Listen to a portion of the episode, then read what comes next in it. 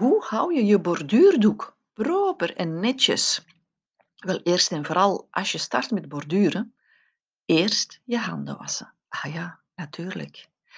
En hou je van koken? Ja, heb je gekookt met kurkuma, verse kurkuma? Of heb je rode kool gemaakt? Of heb je rode biet verwerkt? Opletten, want die kleurstof die onvermijdelijk nog aan je vingers hangt. Ai, ai, ai, als dat op je borduurdoek terechtkomt, dat is geen goed idee. En dan natuurlijk, wil je borduren en heb je zin in een knabbeltje. Hoe doe je dat dan?